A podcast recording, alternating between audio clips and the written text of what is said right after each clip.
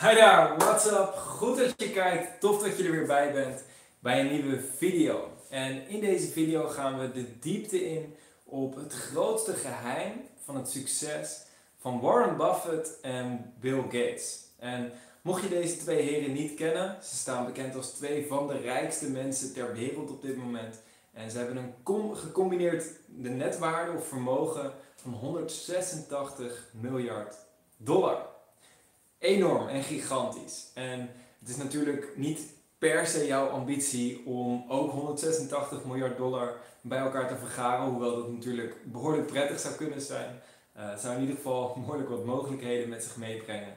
Alleen het fascinerende is dat Warren Buffett en Bill Gates, die waren al van jongs af aan waren ze al behoorlijk goede vrienden. En er was een bepaald moment waar ze ook in interviews over vertelden, waarop ze allebei gevraagd werden wat hun grootste geheim tot hun succes was. En het grappige was, individueel van elkaar werden ze gevraagd om op een briefje te schrijven wat nou echt hun grootste geheim was, waardoor ze zo succesvol waren. En waardoor ze uiteindelijk zo enorm veel geld hebben vergaard en enorm veel mensen hebben geholpen op hun manier. En weet je wat ze allebei opschreven? Ze schreven dit op. Focus. Ze schreven allebei op, onafhankelijk van elkaar, dat focus hun belangrijkste geheim is om zoveel succes te vergaren. En ik ben expres vandaag in mijn coachruimte gaan staan in plaats van in mijn woonkamer, waar je me normaal vaker hebt zien staan, uh, om een aantal van de voorbeelden van vandaag ook visueel uit te beelden. Dus ik hoop dat het goed te zien is, ook met het licht zo op de achtergrond. Ehm, maar dat maakt de voorbeelden die we vandaag gaan behandelen nog duidelijker. Dus ze schreven allebei op dat focus het belangrijkste element was wat hun zoveel succes heeft gebracht. En hoe fascinerend is dat? Want er zijn zoveel vaardigheden te benoemen, er zijn zoveel skills te benoemen, zoveel principes die een ondernemer of een investeerder zoals Warren Buffett kan bezitten. En als ze dan uiteindelijk focus hebben opgeschreven, dat focus de onderscheidende factor is waarvan ze in ieder geval in hun eigen ervaring hebben beleefd dat dat ervoor heeft gezorgd dat ze zijn gekomen waar ze nu zijn. En het leuke is, ik heb jarenlang heb ik workshops en seminars gegeven precies over dit onderwerp. Over het onderwerp focus. En daar hanteerde ik altijd een bepaald model. En dat is een model dat ik zelf heb gecreëerd, dat noem ik het focus model. Ik wil kort met je doornemen wat de verschillende stappen zijn van het focusmodel, omdat dat ervoor kan zorgen dat jij ook direct veel meer focus kunt ervaren.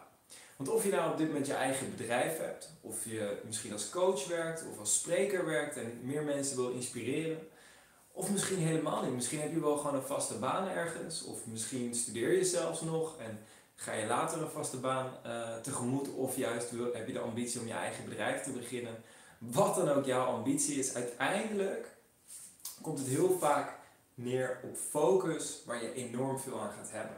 Want als je snel ergens goed in wil worden, als je snel een bepaalde vaardigheid wil meesteren, dan zal je gebruik willen maken van de kracht van focus.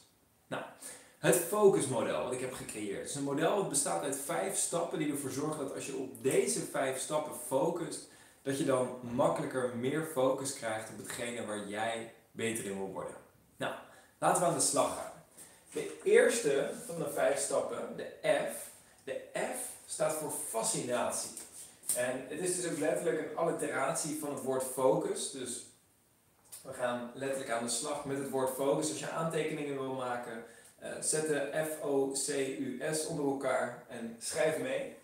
De F staat voor fascinatie.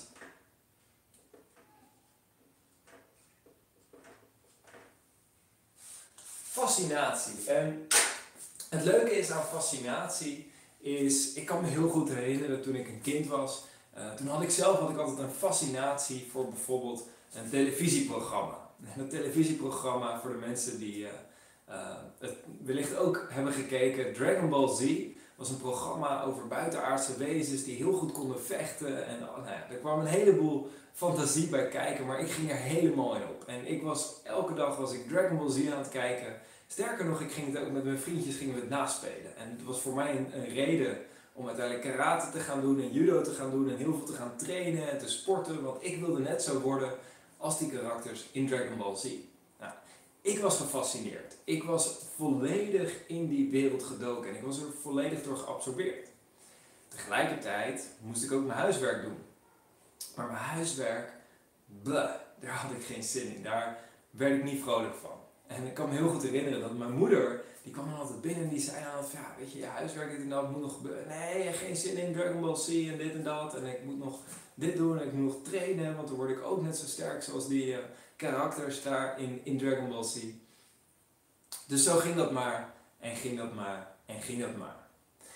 En wat ik me dan vaak kon herinneren als ik zei, ja, huiswerk is niet leuk, het is niet leuk, het is niet, ik kan er niet van genieten. Dat mijn moeder dan altijd zei, dan maak je het maar leuk. En grappig genoeg, hoewel ik dat toen uh, natuurlijk totaal niet kon accepteren en er niet mee kon gaan, uiteindelijk bleek er best wel een, een mooie waarheid in te zitten. Om iets leuk te maken voor jezelf. En het is iets wat ik op dit moment heel veel toepas. Is op het moment dat ik als ondernemer een bepaalde taak te doen heb, dus laten we zeggen ik heb mijn administratie te doen of ik heb iets uit te schrijven waar ik op dat moment niet helemaal in zit, en dan heb ik voor mezelf te kijken, oké, hoe kan ik dit leuk maken? Wellicht kan ik erop focussen wat de gewenste uitkomst is als ik dit heb gedaan. Hè? Een aantrekkelijk beeld maken van een doel.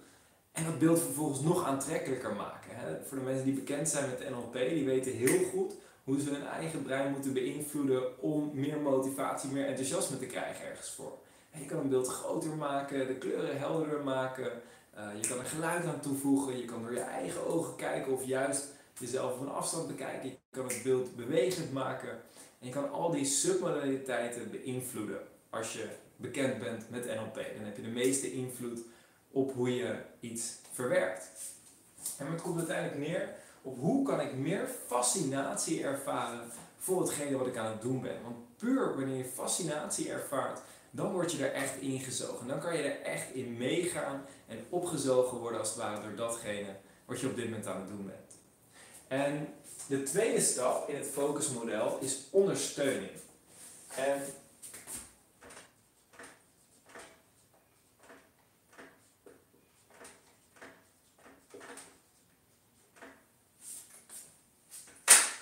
En ondersteuning gaat eigenlijk over twee dingen. Ondersteuning gaat zowel over de mensen waar je bijvoorbeeld mee omgaat.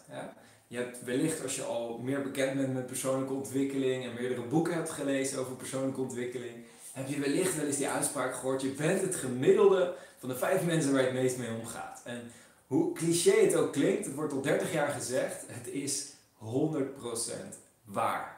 Elke keer weer als je weer kijkt, oké, mijn inkomen is vaak het gemiddelde van de vijf mensen waar ik het meest mee omga. Mijn gewicht of mijn lichaam, hoe mijn lichaam eruit ziet, is vaak ongeveer het gemiddelde van de vijf mensen waar het meest mee omgaat. En natuurlijk zijn er altijd uitzonderingen, alleen het is nou eenmaal zo.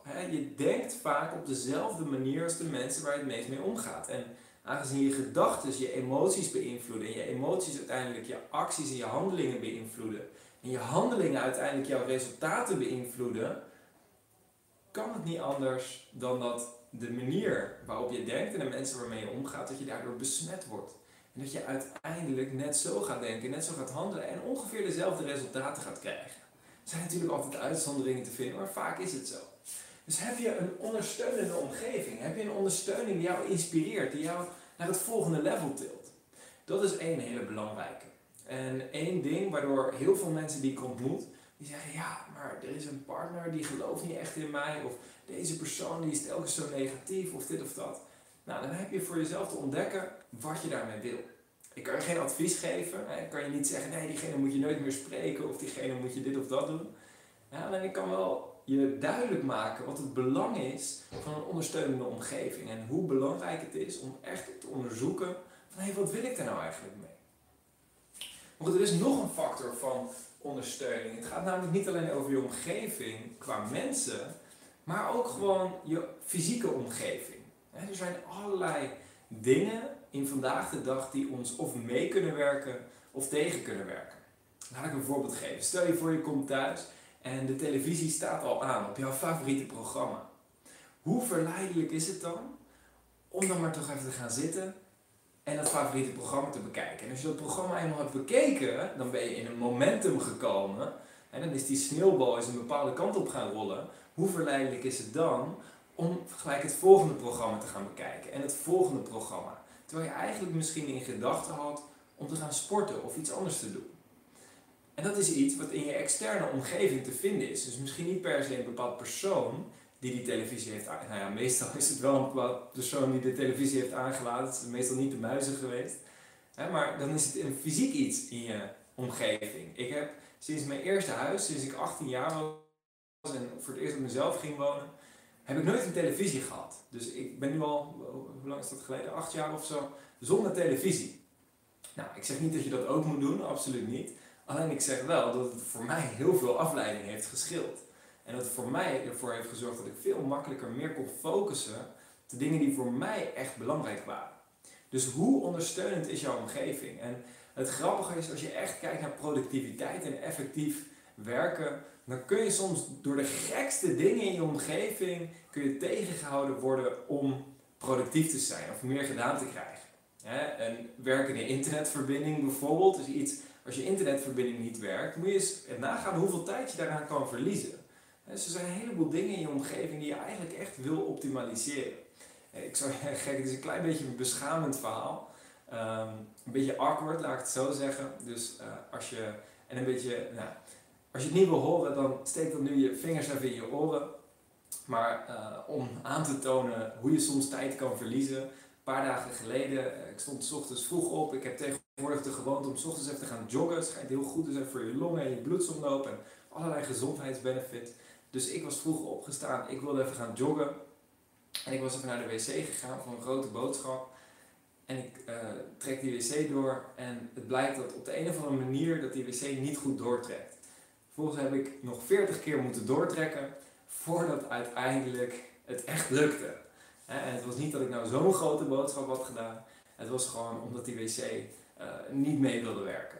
Nou het klinkt heel raar, maar dat is eigenlijk al een fascinerend iets. Hè? Dat iets zo simpels, zoals een wc die niet meewerkt, daar ben ik dus gewoon drie kwartier van mijn dag aan verloren. Drie kwartier van je dag. Hè? Als je, de meeste mensen werken ongeveer acht uur op een dag. Laten we zeggen, als je acht uur op een dag effectief kan werken en echt jezelf 100% kan geven, hè, dan is dat ook zeker noemenswaardig. Hè? De meeste mensen die krijgen acht uur per dag betaald en die werken twee uur per dag. Um, maar stel je voor, je werkt acht uur per dag en dan drie kwartier daarvan verlies je al uh, doordat de wc niet goed werkt. Of dat er misschien op je werk iets niet goed werkt. dus ondersteuning is gigantisch belangrijk. En je kan niet altijd alles voorzien, zoals in dit geval van dit voorbeeld. Ik had natuurlijk geen idee dat dat zou gaan gebeuren. Maar sommige dingen kan je wel voorzien. En sommige dingen kan je wel op anticiperen en kan je wel kijken van oké, hoe kan ik hier invloed op hebben, zodat het me volgende keer niet meer tegenzit. Of als het gebeurt, dat ik er zo snel mogelijk mee omga, zo snel mogelijk fix. Of zo snel mogelijk voor mezelf de knop omzet en weer doorga. Dus dat is het stukje ondersteuning vanuit je omgeving. Dan hebben we vervolgens een stuk, de C. En de C die staat voor consistentie.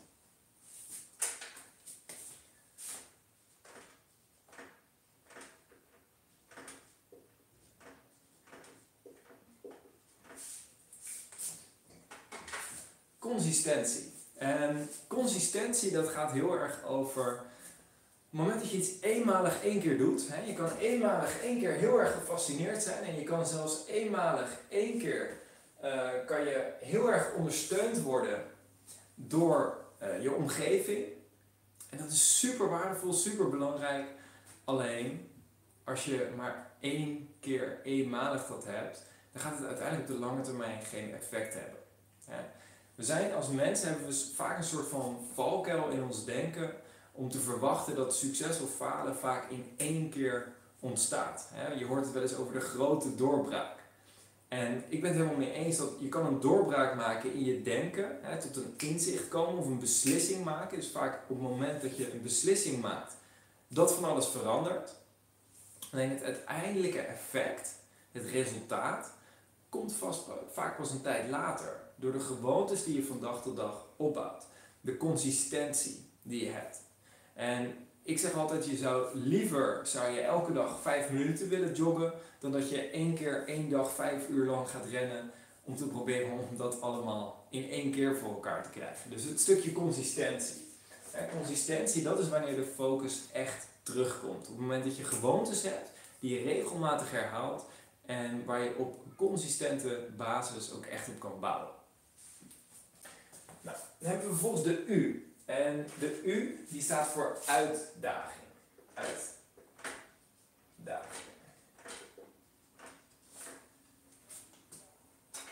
En uitdaging, dat gaat over, er is een heel boek over geschreven, Flow heet het boek, Flow, F-O-L-W, van de auteur, het is een Russische auteur, ik kan zijn naam amper uitspreken, uh, Mihaly Csikszentmihalyi. Volgens mij, het boek wellicht hier ook nog ergens, nou, er een stoel voor, laat maar zitten.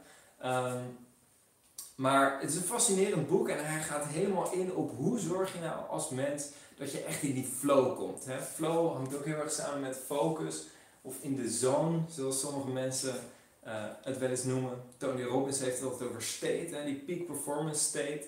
Nou, hoe kom je nou in die flow? En een van de modellen die hij beschrijft is dat je een balans wil vinden tussen uitdaging en jouw vaardigheden. En hij beschrijft het zeg maar zo.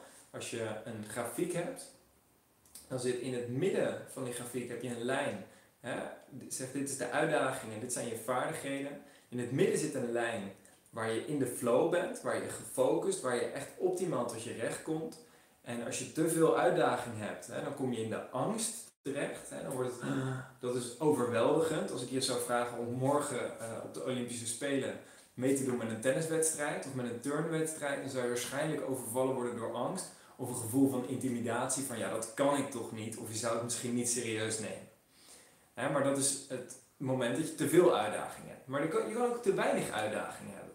En heel vaak als mensen hebben we in bepaalde gebieden van ons leven te weinig uitdaging. Als je het hebt over de comfortzone, dan zijn we heel vaak geneigd om binnen die comfortzone te blijven. Om continu eigenlijk weinig uitdaging op te zoeken en een makkelijke weg te kiezen dus voor veel mensen ook een reden om bijvoorbeeld een bepaalde baan te stoppen, omdat ze merken, ja, ik krijg te weinig uitdaging in deze baan. en soms plaatsen mensen heel veel uitdaging op zichzelf en dat is dan vaak een uitdaging van tijd en gewoon heel veel taken. Maar niet per se een uitdaging van in één keer heel intens ergens mee bezig gaan. dus je wil daar voor jezelf, wil je eerlijk naar jezelf zijn van waar zit ik op dit moment? Waar zit ik op de verschillende gebieden in mijn leven? Hoeveel uitdaging pak ik op dit moment mee in mijn leven? En hoe eerlijker je bent naar jezelf, hoe beter. Ik zeg altijd, als je een map wil maken, dan wil je allereerst weten wat je doel is. En vervolgens wil je ook weten waar je nu staat, anders heb je geen idee hoe je van hier naar je doel komt. Dus je wil eerlijk naar jezelf zijn. Hoeveel uitdaging geef ik mezelf op dit moment mee? Nou, dat is de uitdaging. Dan vervolgens als laatste, de S, die staat voor standaard standaard.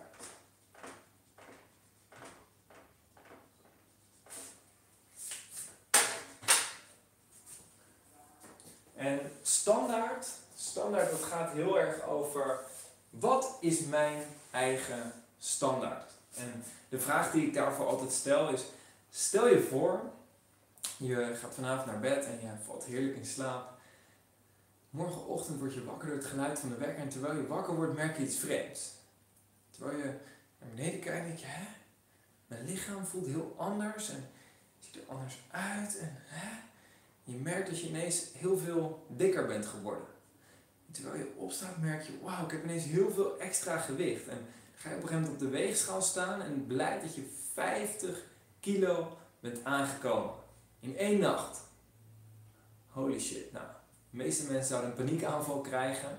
Alleen vervolgens vraag ik mensen altijd, wat zou je vervolgens doen? Wat zou je in de dagen of weken daarna doen? Weet je wat het antwoord is wat ik heel veel terugkrijg?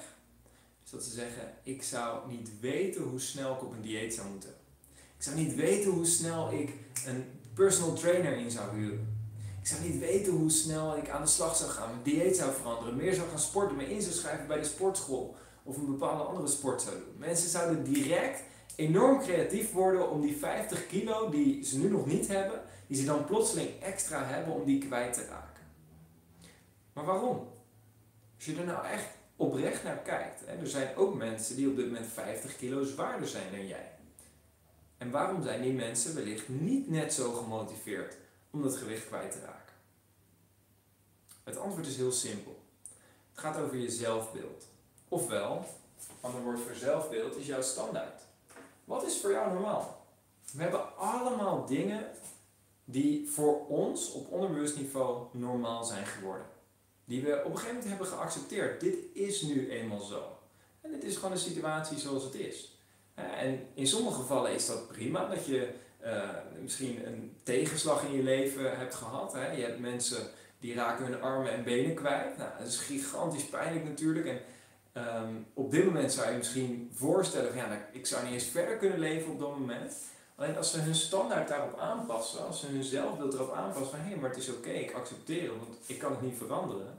En dat is prima, dat is een hele mooie manier van acceptatie en uh, een nieuwe standaard creëren. Alleen als je merkt dat je steeds minder tevreden bent over bepaalde gebieden in je leven. Dat er bepaalde dingen zijn waarvan je eigenlijk weet dat je beter kan presteren in je bedrijf of in je lichaam of in je relatie. Of heel ergens anders. Maar je doet het niet. Je laat het eigenlijk gewoon een beetje wegcijpelen en je laat het eigenlijk constant een beetje voor wat het is. Hoe zonde is dat? Dan heb je gewoon een standaard die steeds wat lager wordt en wat lager wordt en wat lager wordt.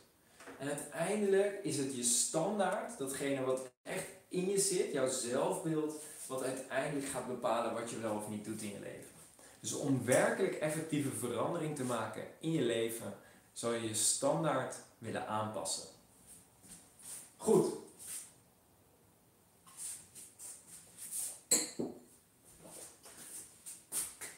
Dit is het focusmodel.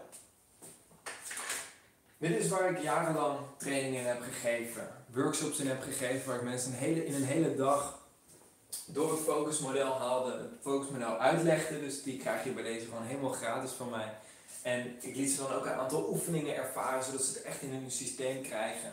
En echt kunnen voelen en ervaren hoe het is om meer focus te hebben. En het fascinerende is, eigenlijk sinds ik dat een paar jaar geleden die training regelmatig heb gegeven, Ehm, was ik altijd behoorlijk gefocust. Hè? Want als trainer, als leraar wil je zo congruent mogelijk zijn met wat je doet. Dus ik had altijd het gevoel van, nou, ik ben behoorlijk gefocust in wat ik doe. Als ik een boek lees, dan ben ik helemaal in dat boek. En als ik vervolgens een video zoals deze maak, dan ben ik daar helemaal op gefocust. En vervolgens iets anders doe, uh, advertenties maak voor mijn bedrijf, dan ben ik daar helemaal op gefocust. En als ik weer iets anders doe, dan ben ik daar weer helemaal op gefocust. En misschien hoor je al een beetje wat hier de potentiële valkuil is.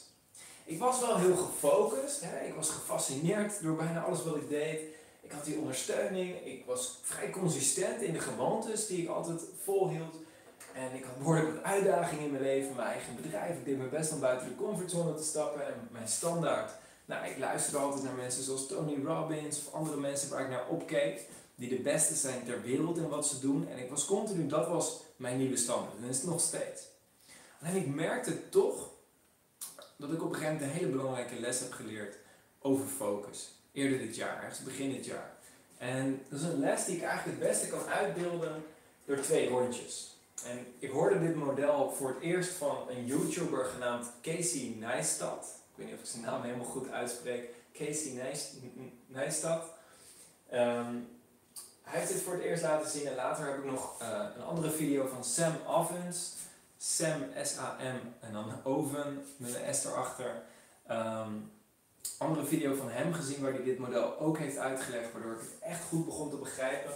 En het is eigenlijk een heel simpel model, het is razend eenvoudig. Maar het kan er toch voor zorgen dat je echt beseft van oké, wat heeft nou uiteindelijk mijn gedrag voor consequenties? En het model is als volgt. Stel je voor, je hebt op een dag 10 units van je tijd. 10 units tijd. Dus laten we zeggen, de unit van tijd die we meestal geneigd zijn om te gebruiken, is een uur. Dus je hebt 10 uur op een dag. Waar kies je voor om die 10 uur in te besteden? Je kunt er of voor kiezen, zoals de meeste ondernemers en de meeste werknemers ook vaak. Je kan er of voor kiezen om die 10 uur in 10 verschillende dingen. Als werknemer kies je hier niet altijd voor, soms krijg je het opgelegd. Ehm, maar je kan er ook voor kiezen om die 10 uur in 10 verschillende dingen te steken. En dan heb je in 10 dingen, bouw je een redelijke vaardigheid op, of een redelijk resultaat wat je daarin krijgt. Het zorgt ervoor dat je uiteindelijk in 10 dingen middelmatig wordt, of als je net zo obsessief bent als ik, uh, dan word je in 10 dingen behoorlijk goed. Of misschien wel heel goed. Alleen, als je nou echt kijkt naar bepaalde mensen die de beste zijn ter wereld in wat ze doen, waar denk je dat je dan meer kans mee maakt? Als je je tijd verdeelt over 10 dingen, of als je al je tijd simpelweg in één ding steekt. Als je zegt, oké, ik ga hiervoor kiezen, dit is waar ik een commitment op maak. En no matter what, wat er ook gebeurt, ik ga ervoor zorgen dat ik hier extreem goed in word. Ja, dat is een behoorlijk verschil. En waardevol om voor jezelf over na te denken van, hé, hey, hoe wil ik hierin staan? Wat wil ik dat mijn insteek wordt? Ga ik voor tien verschillende dingen of ga ik voor één ding? En ik wil hier gelijk als side note aan bijvoegen. Je hoeft niet voor alles in je leven voor één ding te kiezen. Als je echt alleen maar op één ding gefocust zou zijn, zoals sommige mensen zijn. Jeff Bezos, de, de oprichter van Amazon.com, is een mooi voorbeeld. Die gast, het schijnt dat hij gewoon 14, 15 uur per dag werkt en verder doet hij bijna niks anders. Is een keuze. Je hoeft niet per se voor die keuze te gaan. Ik vind het heel fijn om af en toe tijd met mijn vriendin te besteden. Om elke ochtend even gaan, te gaan joggen, om voor mijn lichaam te zorgen. dus het is altijd voor jezelf een balans zoeken. Alleen wat ik wel merk, is wat er heel vaak gebeurt, als ik dan vanuit mezelf spreek, als coach en spreker en als ondernemer, is dat als je veel, bijvoorbeeld veel boeken leest, hè, wat ik geneigd was om te doen, ik las allemaal boeken over ondernemen. En het ene boek was van een meesternetwerker. En dat boek dat zei, je moet vijf uur per dag moet je besteden aan netwerken, verschillende mensen ontmoeten en dan vervolgens een follow-up doen op social media, zodat je ze een berichtje stuurt en zodat je contact met ze houdt. En een ander boek was dan weer van een meester in social media. bijvoorbeeld Gary Vaynerchuk is een mooi voorbeeld. En terwijl ik dat boek las, dacht ik, wauw, oké, ik moet vier uur per dag op Twitter zitten en uh, zes uur op YouTube en 18 uur op uh, Facebook en dan moet ik ook nog op Instagram allemaal dingen doen. En ik dacht, wow, nou, hij heeft veel tijd in zijn dag. Ik heb maar 24 uur, maar ik weet niet of die gast überhaupt slaapt. Oftewel, hij had weer een ander model. En vervolgens een ander boek heeft weer een ander model. Een ander boek heeft weer een ander model. En hoewel ze allemaal heel waardevol zijn, ze zijn allemaal een van de beste geworden in wat ze doen in hun leven, kan het behoorlijk verwarrend zijn. Want het kan ervoor zorgen dat je denkt, oh ja, deze persoon die heeft een waardevolle strategie, die strategie ga ik volgen. En vervolgens denk je, oh ja, deze persoon die heeft ook een waardevolle strategie, die, die, die strategie ga ik volgen. En deze persoon heeft ook een waardevolle strategie, dat ga ik doen. En deze persoon, ja, dat ga ik doen. En deze persoon, dat ga ik doen. Waardoor je vervolgens door alles afgeleid wordt. En eigenlijk door wat ze tegenwoordig in een mooie afkorting FOMO noemen, Fear of Missing Out. Bang dat je een bepaalde kans in het leven uh, over het hoofd ziet, of een bepaalde kans mist. Dat je eigenlijk elke boot maar instapt, omdat je bang bent dat als je die boot mist, dat je dan um, uiteindelijk niet het succes gaat bereiken of je doel gaat bereiken. Terwijl in werkelijkheid geloof ik dat je met deze strategie uiteindelijk meer kans maakt. Als je ervoor kiest van oké, ik ga me nu op één ding focussen. Ik geloof dat dit iets is waar ik veel resultaat mee ga behalen. En vervolgens ga ik hier al mijn tijd, aandacht en energie in steken. In ieder geval mijn werktijd. Hè. Wat je in je vrije tijd doet, mag je natuurlijk helemaal zelf weten. Maar mijn werktijd en mijn tijd die ik aan mijn eigen bedrijf wil, wil besteden, die ga ik allemaal steken in datgene waarvan ik geloof en denk dat dit het meeste waarde voor mij oplevert. Nou, dan is vervolgens natuurlijk de vraag, hè, die heel veel mensen hebben, die ik zelf ook uh, heel veel heb gehad en nog steeds wel eens heb, is wat is dan hetgene waar ik mijn tijd in wil gaan steken? Wat is nou hetgene waar ik echt een van de beste ter wereld in wil worden? En wat wordt echt mijn X-factor, als het ware? Nou, uiteindelijk mag je dat natuurlijk helemaal zelf weten. Het gaat voor een groot deel over wat is je passie, hè? waar word je blij van? Alleen als je puur op strategisch niveau kijkt, dan is er eigenlijk een vrij eenvoudige manier om te ontdekken hoe uh, weet ik waar ik echt tijd en aandacht in wil gaan steken. En wat zijn nou echt die belangrijke dingen, die één, twee of misschien drie dingen waar ik mijn aandacht en tijd in kan gaan steken. Nou, daarvoor is het volgende simpele model. En dat is dit model. Zoals je ziet, een trechter. En deze trechter, misschien heb je het wel eens vaker gezien als je meerdere business trainingen hebt gevolgd, heb je het ongetwijfeld een keer langs zien komen. We noemen dit ook wel een funnel. En het idee van een funnel is als je je eigen bedrijf hebt. We gaan nu iets meer de echte bedrijfsstrategieën in. Dit, deze twee modellen kun je eigenlijk zowel als werknemer als ook als ondernemer kun je gebruiken. We gaan nu iets meer uh, de ondernemingskant op. En stel dat je voor een baas werkt, stel dat je gewoon als werknemer werkt, dan kan het heel waardevol zijn om dit te weten. Want wat is het allerbelangrijkste voor een ondernemer is vaak hoe solide is die funnel? Hè? Hoe goed werkt het? Want als het goed werkt, dan heb je veel klanten. Als het niet goed werkt, heb je weinig klanten. Dus als jij promotie wil maken in een baan die je nu hebt, of als je daar verder in wil komen, of je bedrijf verder wil helpen, zodat je uiteindelijk daar zelf ook uh, verzekerd bent dat je je baan kan houden en uiteindelijk misschien inderdaad die promotie kan maken of meer betaald kan krijgen, is het heel waardevol om hier bewust van te zijn. Zodat je met z'n allen weet wat is nou het uiteindelijke doel van het bedrijf waar ik voor werk. Nou, een funnel. En het is eigenlijk heel simpel. Bovenin komen de bezoekers. En onderin komen de klanten naar buiten. En er zijn een aantal stappen in het maken van een funnel. Uh, allereerst is het natuurlijk hoeveel bezoekers trek je aan. En voor het gemak heb ik het nu eventjes over online, omdat ik zelf heel veel mensen online aantrek om uiteindelijk in real-life trainingen te volgen. Maar hetzelfde principe geldt natuurlijk ook offline. Hè. Bezoekers, online noemen we dat ook wel verkeer. Hè. Offline wil dat zeggen hoeveel mensen bereik je. En je kan ook folders uitdelen. Hoeveel folders heb je uitgedeeld? Hoeveel mensen hebben je folder gezien? Is eigenlijk hetzelfde principe als met een advertentie bijvoorbeeld die je maakt. Nou, het allereerst heb je bezoekers, het aantal bezoekers, hè, dat is het aantal mensen dat je uiteindelijk bereikt. Vervolgens heb je te meten, oké, hoeveel van die bezoekers worden uiteindelijk geïnteresseerden. Ze hoeven nog geen klant te worden, dat is soms al een stap te ver. Maar hoeveel van die bezoekers zijn uiteindelijk geïnteresseerd om wellicht mijn product te kopen? Dus hoeveel ideale klanten heb je die daar interesse in hebben. Nou, de meest gebruikte manier om dat te meten is om te kijken naar leads. En leads zijn mensen die hebben op de een of andere manier hun naam of e-mail achtergelaten om contact mee te houden. Nou, leads. Vervolgens heb je als ondernemer waarschijnlijk een bepaald laagdrempelig product wat je mensen aanbiedt, uh, waar de meeste van die leads, hè, laten we zeggen uh, stel je voor, ik maak een Facebook-advertentie en ik investeer daar uh, eh, 1000 euro in. En voor die 1000 euro bereik ik uh, eh, 30.000 mensen, 30.000 bezoekers. En van die 30.000 bezoekers zijn er uiteindelijk 1000 mensen, dus 1 dollar per lead.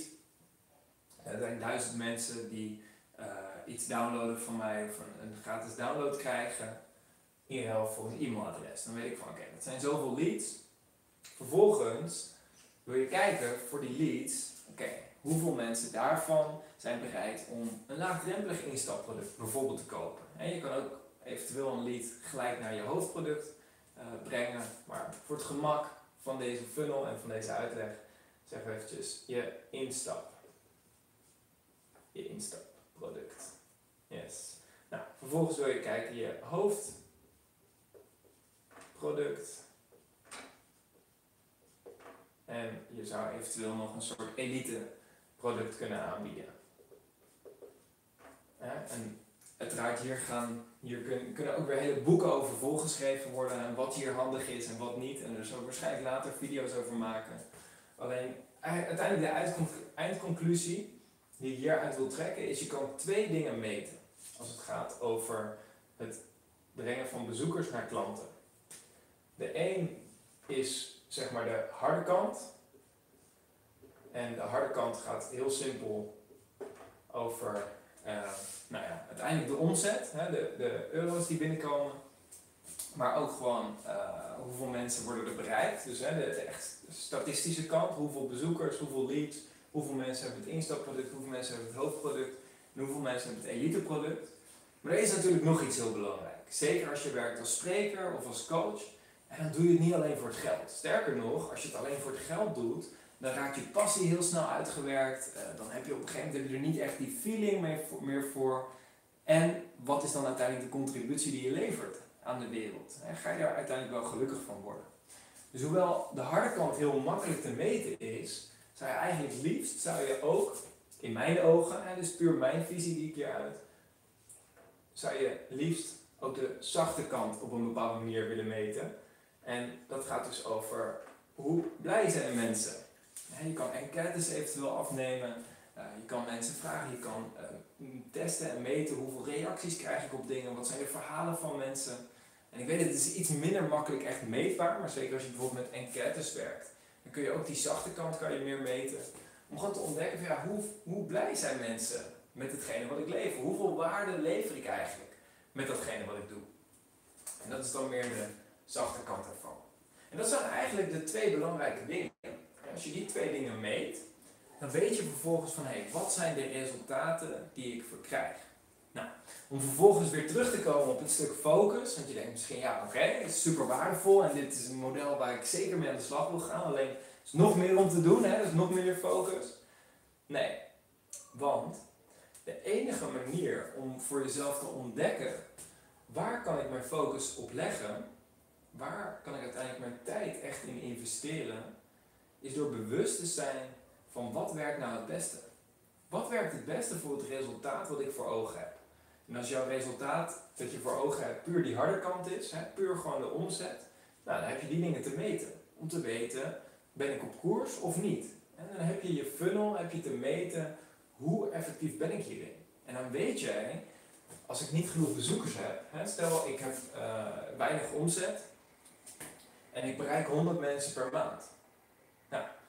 Dan weet ik, ik kan de allerbeste producten ter wereld hebben. Ik kan zelfs de beste sales pitch ter wereld hebben. Ik kan alles gigantisch effectief doen. Alleen zolang ik 100 bezoekers per maand heb, gaat het gewoon niet gebeuren.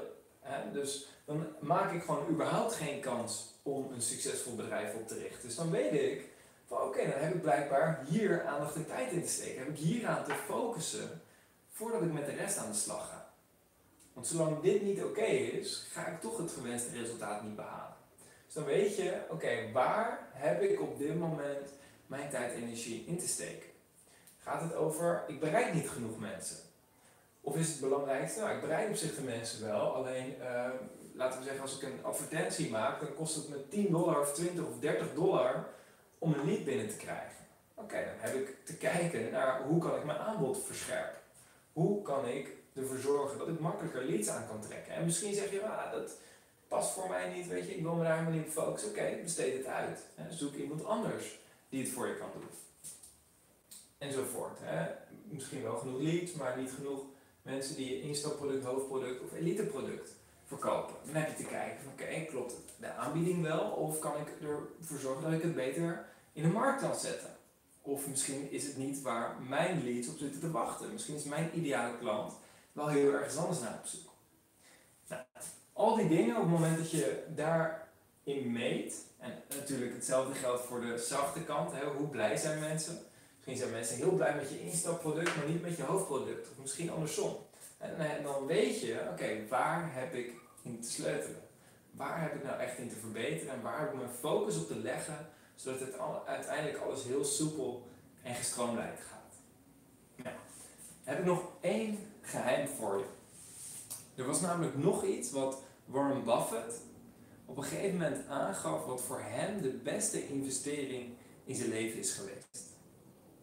En waarvan hij zegt dat het enorm veel impact maakt op je leven.